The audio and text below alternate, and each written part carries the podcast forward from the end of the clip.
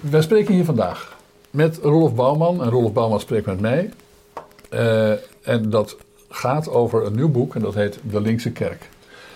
En dat boek dat gaat niet over de Linkse Kerk zoals Pim Tuin daarover sprak 20 jaar geleden. Het gaat echt over de kerk, te weten over protestants Nederland, meer in het bijzonder gereformeerd Nederland, eh, dat opvallend sinds 1960 steeds weer links afsloeg. Zowel politiek als kerkelijk.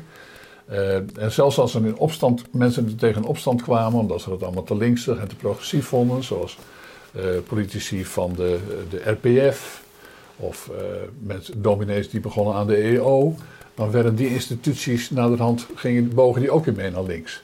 Nou, dat heeft mede toe geleid dat, dat de kanteling in de Nederlandse samenleving werd versterkt. Uh, en dus de invloed van de gereformeerden en van de zwenkende gereformeerden zou je kunnen zeggen op Nederland is substantieel. Verbazingwekkend genoeg is er nauwelijks een boek over geschreven, zijn nauwelijks, publicaties over. Er zijn wel, op onderdelen is er wel eens wat geschreven, maar we hebben er nu een boek gemaakt. Wij zijn twee van de auteurs, er zijn totaal tien auteurs. Uh, uh, een boek gemaakt waarin dit wordt beschreven. Wordt nagegaan hoe het komt. En uh, dat komt voort dus uit nieuwsgierigheid. Het komt ook voort uit verbazing. En die verbazing wordt enigszins gevoed uh, door de veronderstelling dat uh, het zou kunnen zijn dat in de wereld van gereformeerd Nederland, van de politiek protestants Nederland, het niet echt voor de hand ligt, voor de hand ligt om dit allemaal uit te zoeken. waarom men nu iets vindt wat men vroeger niet vond. Enfin, we zijn samen, uh, we zijn allebei auteur. Ja. Uh, we, we, interviewen elkaar min of meer. In ieder geval gaan we spreken over dit onderwerp. En aan het eind van het gesprek hebt u een idee waarom u het boek De Linkse Kerk moet kopen. Ja, die, die, die verwondering uh, waar jij het net over had, die hebben we allebei. die heb ik ook. eigenlijk ook wel een beetje omdat ik nog wel wat herinneringen heb aan de jaren zeventig. En, en hoe het toen uh, in de, aan, de, aan, de, christelijke kant uh, toeging, ook, in, ook in, de, in, de, in de politiek. Hè. Dat was de tijd dat uh, de ARP, toen de grootste protestantse politieke partij in Nederland, ja, hevig onder vuur lag. van wat toen klein rechts werd genoemd. het GPV, de RPF, de voorlopers van de huidige ChristenUnie. Ja.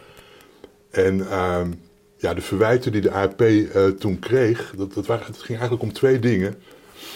Eh, het eerste verwijt was, uh, de ARP, uh, eh, jullie zijn een linkse politieke partij geworden. Kijk maar naar het... Kijk maar naar jullie verkiezingsprogramma, maar kijk ook wat jullie op het Binnenhof doen. Hè. De ARP heeft het, het kabinet Den Uyl dat, was niet, het, dat verwijt uit, uit de kleine rechtse kring ja. was niet ongegrond natuurlijk. Nee, het, het, het klopte wel. De ARP had het, het meest linkse kabinet uit onze parlementaire geschiedenis mogelijk gemaakt. Het partijprogramma was links, dat klopte. Er werd ook nog een ander verwijt gemaakt uh, richting ARP. En dat was, uh, jullie zijn bezig om samen met, met een katholieke partij, de toenmalige katholieke volkspartij, op te gaan in een nieuwe politieke partij. Dat zou het CDA worden en dat zou geen protestantse partij worden, maar een met een ecumenische grondslag. Dus er was ook een soort, jullie, verraden jullie... Wat in de protestantse traditie een serieus verwijt was. Ja, nee, zeker. Want dat was natuurlijk, uh, ik bedoel, uh, Kuiper was er, de Abraham Kuiper was er in de 19e eeuw heilig van overtuigd dat protestanten een eigen politiek uh, fundament hadden en dus ook een eigen politiek programma moesten hebben. Dus dat ook zich onderscheidend van de katholieken. Ja, precies. Ja. Uh, dus kennelijk bestond dat, uh, dat onderscheid opeens niet meer in de jaren 70. Dus, dus, ook dat verwijt werd heel hard gemaakt richting ARP. Ja. Uh, en wat geschiedde? Ja, het interessante is natuurlijk, de mensen die dat verwijt uh, maakten, GPV, RPF, dat is inmiddels de ChristenUnie. Ja. Uh, die partij is, zou je kunnen zeggen, nou, misschien nog wel linkser dan de ARP in de jaren 70 was. Ja, daar valt, daar valt iets denk ik interessants over te zeggen, want het is goed denkbaar dat de achterban van de ARP ja. uh, in de jaren 70 helemaal niet zo vreselijk mee was gegaan. Dus ze, ze stemden misschien nog wel ARP, ja. maar, maar of ze nou ook de ideeën van een linkse leider als Aantjes uh, volledig deelden, is twijfelachtig. Zeker. Maar ik heb een zeer recent uh, peilingonderzoekje gezien, ja. waarin onder meer de, het CDA en de ChristenUnie werd vergeleken. Hoe de mensen zichzelf typeren als links of rechts. Ja, zelfplaatsing. Dus zelfplaatsing, zelfbeeld. Ja. En dan zie je dat de, de, de, de leiding terwijl de leiding van het CDA toch vrij soepel is in het meegaan met allerlei linksachtige, Ja. progressieve agendaatjes. Ja. eh, zie je dat de achterban van het CDA, de stemmers heb ik het dan over, Mm. eh, dat die overwegend nou, of zich of midden of eh, rechts van het midden ophouden. Ja. Maar zo niet de aanhang van de ChristenUnie. Ja. Die typeert zich inmiddels in belangrijke mate als linksig of links. Ja. Of gematigd links misschien. Maar dat is totaal contrair natuurlijk aan, aan, aan, het, aan de wereld waar ze vandaan komen. Ja, Nog, dat is, eh, hè, dus, dus, hooguit 10, 20 jaar geleden eh, was het zelfbeeld van de betrokkenen dat ze rechts waren. De, de, alle politicologen die zetten de GPV en de, en de RPF eh, extreem rechts.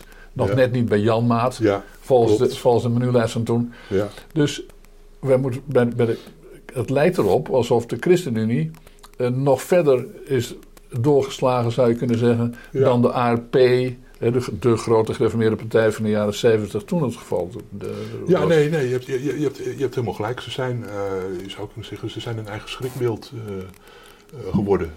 Ja. Dat trouwens ook voor wat ik net nog even zei, hè, over dat, dat ARP ging fuseren in een, in een ecumenische partij. Ook de ChristenUnie heeft inmiddels als policy dat ze de deur wijd open staat eh, voor katholieke gelovigen. In de praktijk werkt het niet zo. Ze, Nee. ze trekken wel een beetje katholieke De, kiezers, de, belangs- veel. nee, maar de belangstelling in de katholieke wereld voor de ChristenUnie is kleiner dan de ChristenUnie misschien wel zou ja, willen. dat ze wel zouden willen. Maar in elk geval is er, is er wel de intentie eh, om een partij te zijn die ook voor, voor alle soorten christenen eh, aantrekkelijk is. En dus niet meer alleen voor, voor protestanten. Dus ja, ze zijn.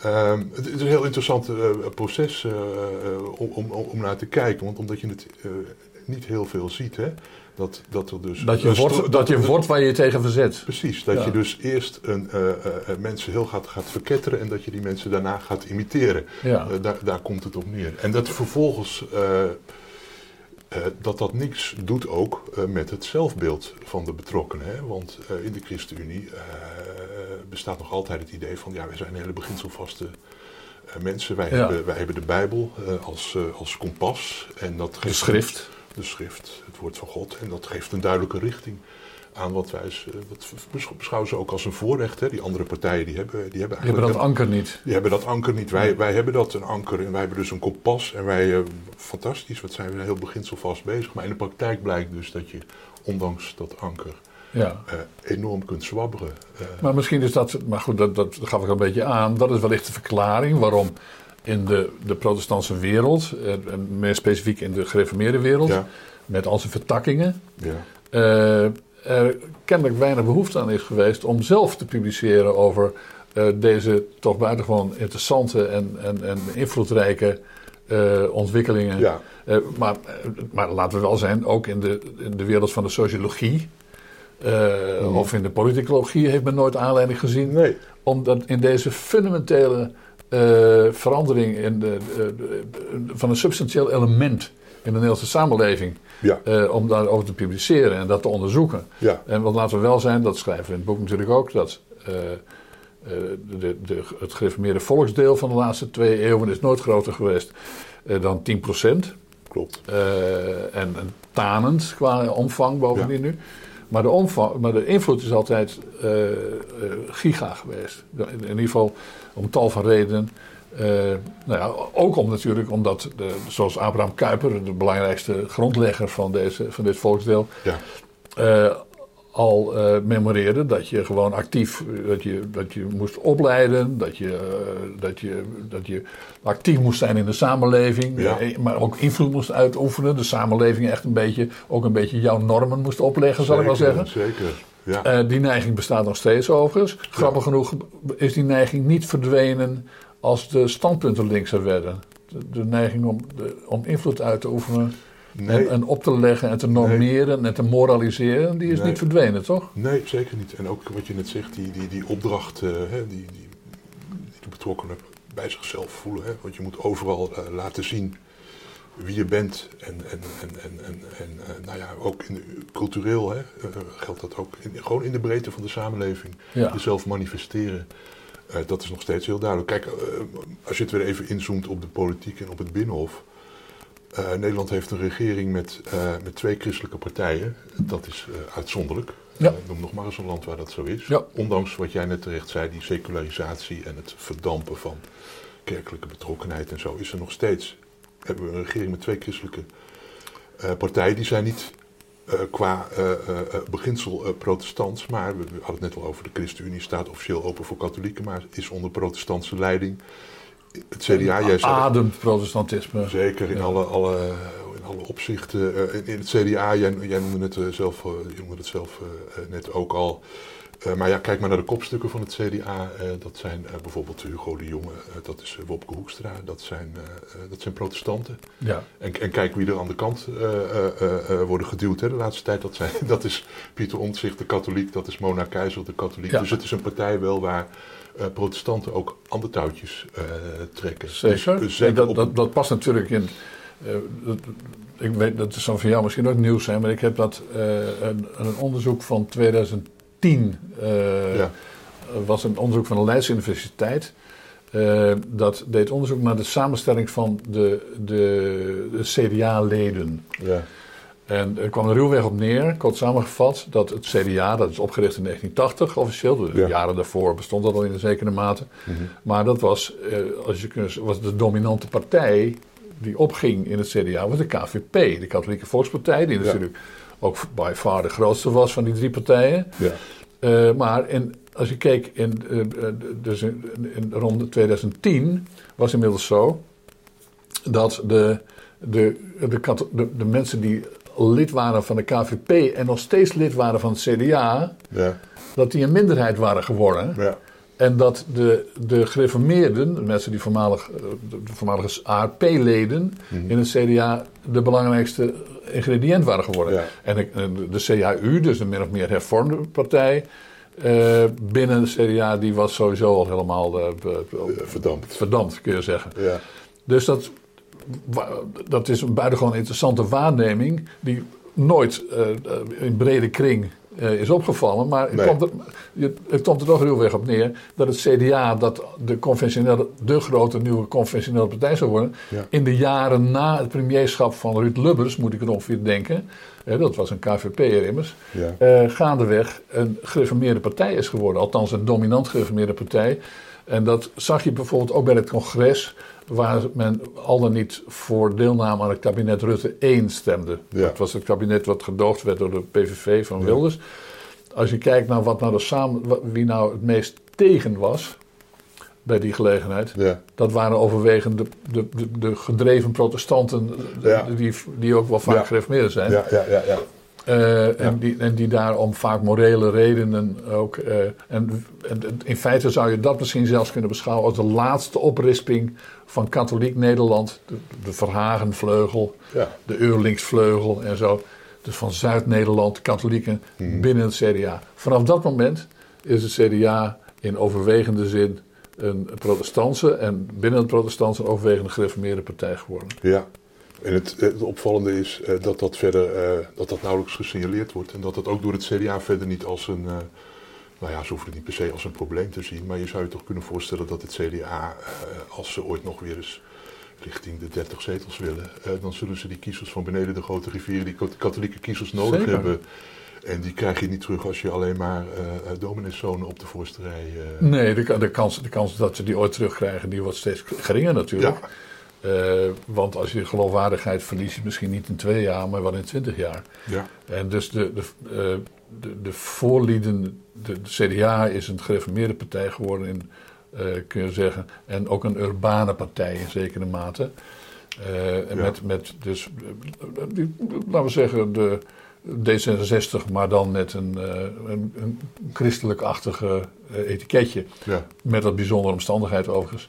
Dat eh, mevrouw Sigrid Kaag, de leidster van, eh, van D66, ja, zich in toenemende mate als een katholieke eh, mevrouw aan het, katholieke politica aan het profileren is. ja, Wat, het zou me werkelijk niet verbazen, maar Ja. ik heb het van de rest verzonnen. Maar het zou me werkelijk niet verbazen. Het zou in ieder geval slim zijn als ze dat zou doen, om daarmee het katholieke volksdeel te bedienen, waar het CDA dat heeft nagelaten. Ja, ja nee, ik moet wel eens denken aan een quote van eh, Frits Bolkestein van volgens mij alweer een jaar of twintig geleden. Die zei wel eens, eh, D66 is het eh, CDA, maar dan zonder God. Ja. Maar goed, dan zijn we nu weer een fase verder. Namelijk dat, dat D66 het- Ja. niet het CDA met, met God is, maar het CDA met een katholiek accent. Ja, ja, nee, klopt. Zo kunnen de dingen heel raar eh, eh, eh, draaien. Ja. En er zijn partijen die dat om marketingredenen doen. Dat zou D66 kunnen zijn. ja. Alleen het merkwaardige is dat, dat de CDA dat zeker niet om marketingredenen heeft gedaan. Want die is, met, die is bezig zichzelf om zeep te helpen. Omdat ze juist niet kijkt naar, Ja.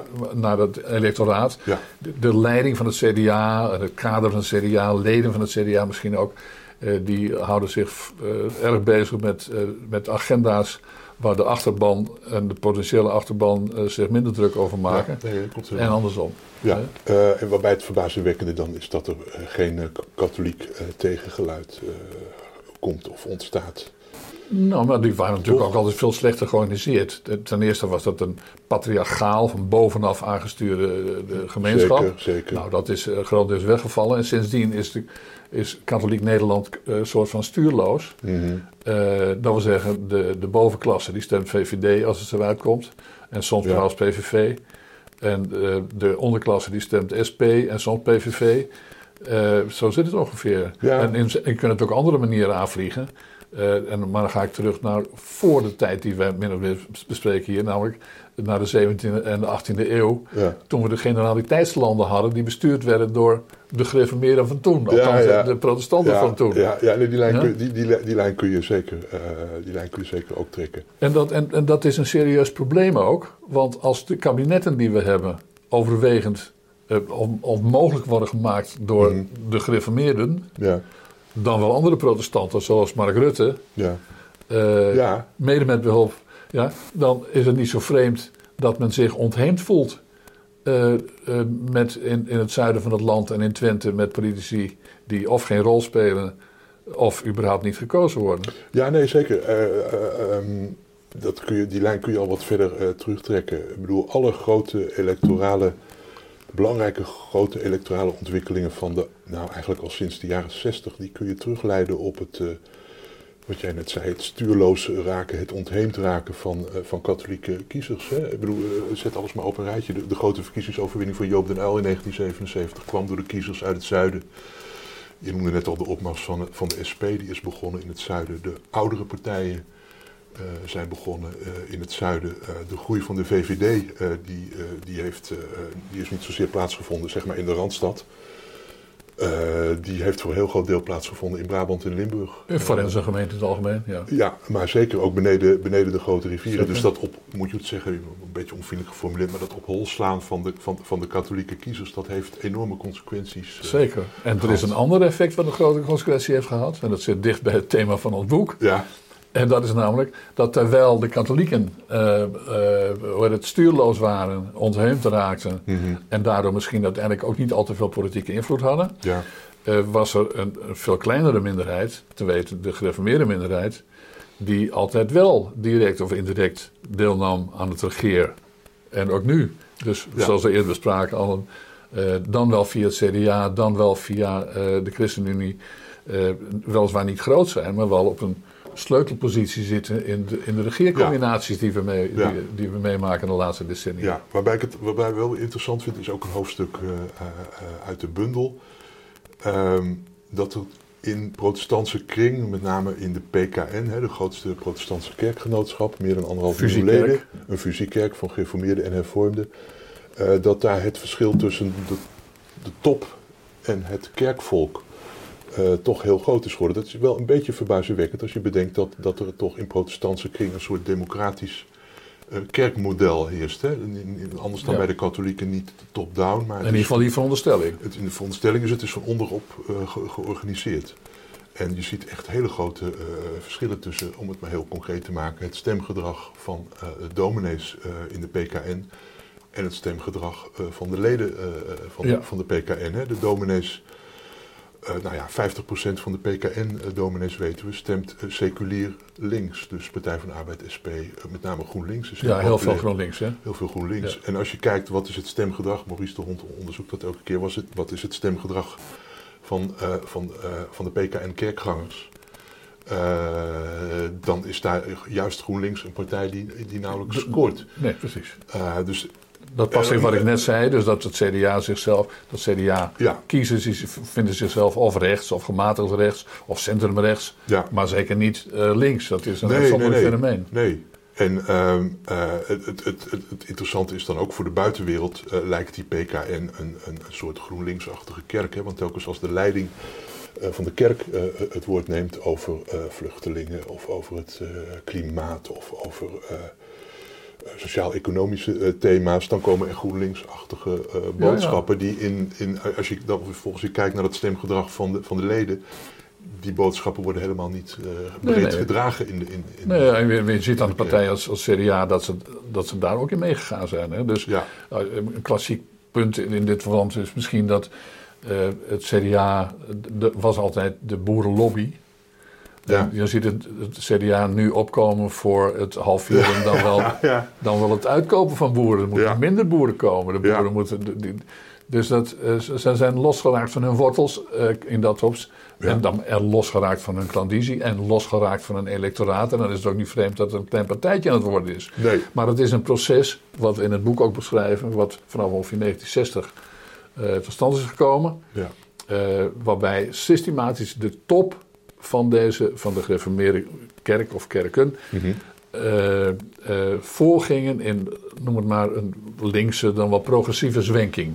Ja. Uh, en waarbij, wij je zeer kon afvragen of dat allemaal werd gedeeld door, door het eenvoudige kerkvolk, om het zo maar te zeggen. Nee. Oftewel de kleine luiden, zoals dat traditioneel heet. Ja.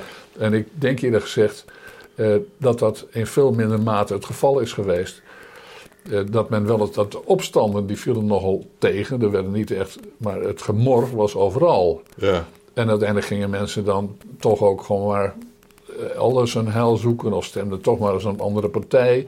Of ze deden het niet omdat ze het trouw het nooit deden, of omdat ze dachten dat ze misschien niet in de hemel kwamen ja. als een andere partij zouden stemmen. Ja. Maar, maar, maar, die generaties eh, CDA-stemmers die zijn inmiddels uitgestorven. En uh, waar, wat voor motief zou een moderne PvdA, een jonge CDA-stemmer nog kunnen hebben? Ja.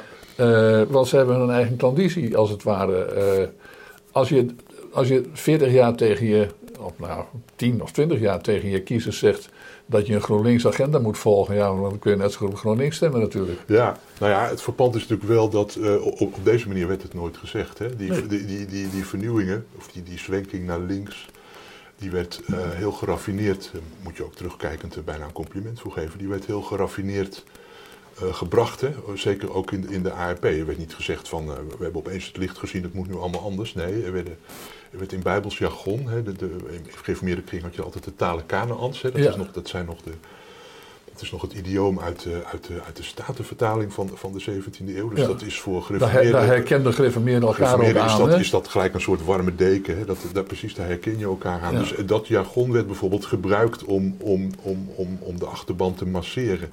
Zodat het telkens leek alsof die nieuwe wijn... alsof het eigenlijk helemaal geen nieuwe wijn was, maar zover het voor zover het nieuwe wijn was, kwam het in elk geval uit de oude zakken. Hè? Ja. Dus het was, uh, en daardoor, dat is, dat, omdat dat heel geraffineerd is gebeurd, verklaart ook wel dat er dat, het, dat dat proces uh, relatief uh, zonder al te veel ja. gedonder is omdat, omdat, omdat, men gebruik maakte van, om het plat te zeggen, gereformeerde middelen om de gereformeerde ja. achterban ja. te plooien. Jij hebt, je hebt zelf wel eens, ook voor Winias Week, geschreven over twee be centrale begrippen in dat verband. Hè? Dus uh, ja. Dat is, dat is barmhartigheid en uh, rentmeesterschap. Het rentmeesterschap. En, ja. en het, dat, dat zijn begrippen van de laatste 20 jaar ongeveer, 25 ja. jaar. Ja.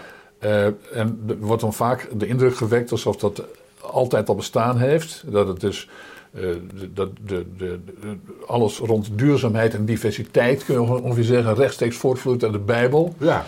Want de diversiteit die wordt uh, vanwege de, uh, de, de, door de barmhartige Samaritaan aangereikt. En de, uh, de duurzaamheid wordt door het renmeesterschap aanbevolen. Ja, ja nee, maar um, eventjes nog eens, Jan. Ja. Die, je hebt dat, wat het treft zeker ontleed dat die, die twee begrippen zijn betrekkelijk recente uitvindingen. Althans in deze Ja, in maar, deze wel, maar wel, wel, wel weer heel uh, geraffineerd. Uh, ik bedoel, het, mooiste is dat begrip, begrip rentmeesterschap, wat je inderdaad overal hoort als het over duurzaamheid en klimaat gaat. Ja. Het mooie van dat begrip is dat het, denk ik, in, in, in geformeerde oren eh, klinkt dat gelijk als talen Kanaans. Het, moet, Ja. het klinkt als, dit, komt, dit begrip moet uit de Statenvertaling komen, maar dat doet het dus helemaal niet. Het is een woord wat wel klinkt als talen Kanaans, maar wat in werkelijkheid in het hele Oude Testament eh, helemaal geen enkele keer voorkomt. Het komt wel een paar keer voor in het Nieuwe Testament, maar dan heeft het op geen enkele manier betrekking op zorg voor de natuur of zorg voor het milieu. Nee. Dus dit is, dit is een heel mooi voorbeeld van hoe, eh, hoe er met eh, Taalmanipulatie is het eigenlijk. pseudo-bijbelse idioom Ja. gewer- gewerkt wordt om zo'n zwenking te maken. En dat gebeurt bij de, barmhart, bij de bar- barmhartigheid, wat ook een centraal talen Kanaans Ja, begrip is, ja. veronderstelling. Ja. Daar gebeurt iets soortgelijks mee, is niet? Nou ja, kijk, de- de- daarvan kun je nog zeggen, de, ja, de meeste geïnformeerden zullen dan gelijk denken aan de gelijkenis van de barmhartige Samaritaan. Is Nou, geval een woord is- dat, nog in de Bijbel Dat is een suggestie. eh, voortkomt. Jawel, Eh, de- maar die, die, dat weet niet, niet iedereen misschien, maar die barmhartige Samaritaan, eh, die, dat was een, de Samaritanen stonden laag aanzien in het Israël van, wat zal het zijn, 3000 jaar geleden. Ja, Eh, maar eh, de Jezus, eh, die had een gelijkenis, zoals het heet. En daarin vertelde hij dat er ooit een man was, die werd in elkaar geslagen door rovers. ja, En allerlei hooggeplaatste joden, eh, dominees ook, zal ik maar zeggen, die lieten hem terzijde liggen. En er was de, de, de, de, de Samaritaan, notabene een Samaritaan, iemand Ja. met laag aanzien en met lage moraliteit. Die zei, ik, eh, ik, ik verzorg je wel. En die heeft hem toen met olie en azijn, ik weet niet precies, maar in ieder geval met toenmalige geneesmiddelen heeft hij, eh, heeft hij hem behandeld en naar de herberg gebracht en daar geld ge- neergelegd Ja. van, ah, enzovoort. Enfin, die barmhartige Samaritaan die staat dus in deze, in deze toestand gelijk als de grondlegger van de barmhartigheid. Ja Denk maar ik. wel weer een heel apart soort barmhartigheid. Hè? Want als je de politieke vertaling van deze gelijkenis... Ja, dat je alle asielzoekers moet binnenlaten. Precies, Ja. dat is een, een soort barmhartigheid waaraan geen einde zit. Hè? Dat, is, dat, is, eh, Nee, dat gaat maar door. Ieder, juist bij die gelijkenis... ieder- iedereen die een bootje pakt uit, eh, uit Turkije of eh, Libië moet je warm ontvangen. Want Ja. de barmhartige Samaritaan zou dat ook gedaan hebben. Is de suggestie, hè? is de suggestie. Terwijl als je, nou ja, wij zijn geen theologen, maar zelfs de oppervlakkige bijbellezer ziet aan die gelijkenis, er zit wel degelijk een einde aan die barmhartigheid. Hè? Die man die wordt verzorgd eh, en die wordt weer even, die wordt op de benen gezet, zeg maar. En daarna eh, is de betrokkenheid eh, weg en gaat ieder Ja. weer zijn eigen gang. Hè? Terwijl de betrokkenheid, of de, barmhartigheid zoals die in, in, in links-christelijke kring wordt beleefd, dat is dat je dus, er is geen einde aan het aantal asielzoekers dat je moet ontvangen. En het is ook geen einde aan, zodra die mensen hier één keer zijn, wat je daar allemaal voor moet regelen qua Nee. voorzieningen. Zodra je daar een rem op zet, dan ben je onchristelijk bezig. Ja. Ja. Maar het is, eh, het is ook in, hier geldt het weer dat het zeer twijfelachtig is of dit allemaal gedeeld wordt door alle, Ja, door alle gereformeerden, eh, of inmiddels ex-gereformeerden, Ja. of eh, alle kerkgangers. Want het zijn, zij zijn het niet die, die de vertolkers zijn van deze opvatting. Dat zijn altijd de aan de, de inmiddels zeer linkse universiteit, Vrije Universiteit opgeleide. Dus die Vrije Universiteit was ooit de universiteit waarin de eenvoudige kerkgangers eh, zich konden ontwikkelen om een dominante rol te spelen in eigen kring en in de samenleving. ja. Maar goed, dat is nu de meest linkse universiteit van Nederland. Eh, Ja, nee, dat is- Misschien ook nou die ja. van, van Nijmegen na, maar Jij zei net hè, van dat, dat de neiging om voorop te lopen, die zie je ook heel duidelijk bij de Vrije Universiteit. Hè? Want bedoel, er is de laatste jaren discussie over eh, eh, kerstfeest, moeten we dat niet winterfeest noemen of zo. Maar dat is allemaal nog, in principe is dat nog in discussie. ja. De- bij de Vrije Universiteit is al de stap genomen eh, om, het, om het Vrije Lichtjesfeest Ja, te noemen. Dus ze lopen voorop. Maar dat, het- dat is het, sowieso, eh, dat zie, je, dat, dat zie je ook in iets ruimere kerkelijke kring, geloof ik. Maar zeker zie je bij de, bij de gereformeerden dat die voorop lopen in, om de- al die christelijke, of van origine in zekere mate christelijke feestdagen, Mhm. om die geheel eh, vrijwillig Ja. op te geven en cadeau te geven aan moslims of aan andere doelen. Eh, terwijl die moslims er helemaal niet om gevraagd hebben. Nee. Dus er, er bestaat iets merkwaardigs, een soort weg met ons eh, idee. Een, een, een totale zelfrelativering Ja. die nogal onbegrijpelijk is. Maar en dat is ver, ver nader onderzoek. Misschien moeten we daar een, een, een massapsycholoog op loslaten voor Ja, een nou, volgend project. Ik denk het wel. Maar, eh, maar, de- maar de- er is van alles aan de hand in, in, de, in het land van Nederland. eh, waar eh, niet over bericht wordt in deze sfeer. En waar wij in ieder geval een serieuze poging hebben gedaan, misschien wel als eerste, om in, uh, om 12, 13 hoofdstukken Ja, door te lichten wat er, wat, er, wat er in dit deel van het Nederlandse volksdeel gaande is de afgelopen decennia. En wat tot op de dag van vandaag van grote invloed is op de rest van het land, ja, kun je zeggen. ja. en nou ja, dat boek is, verschijnt deze maand in de maand mei 2022. En we hopen dat uh, in de gereformeerde kerken, uh, in de gereformeerde pers uh, en elders erg veel aandacht krijgt. Dan is alle reden voor. Dat is.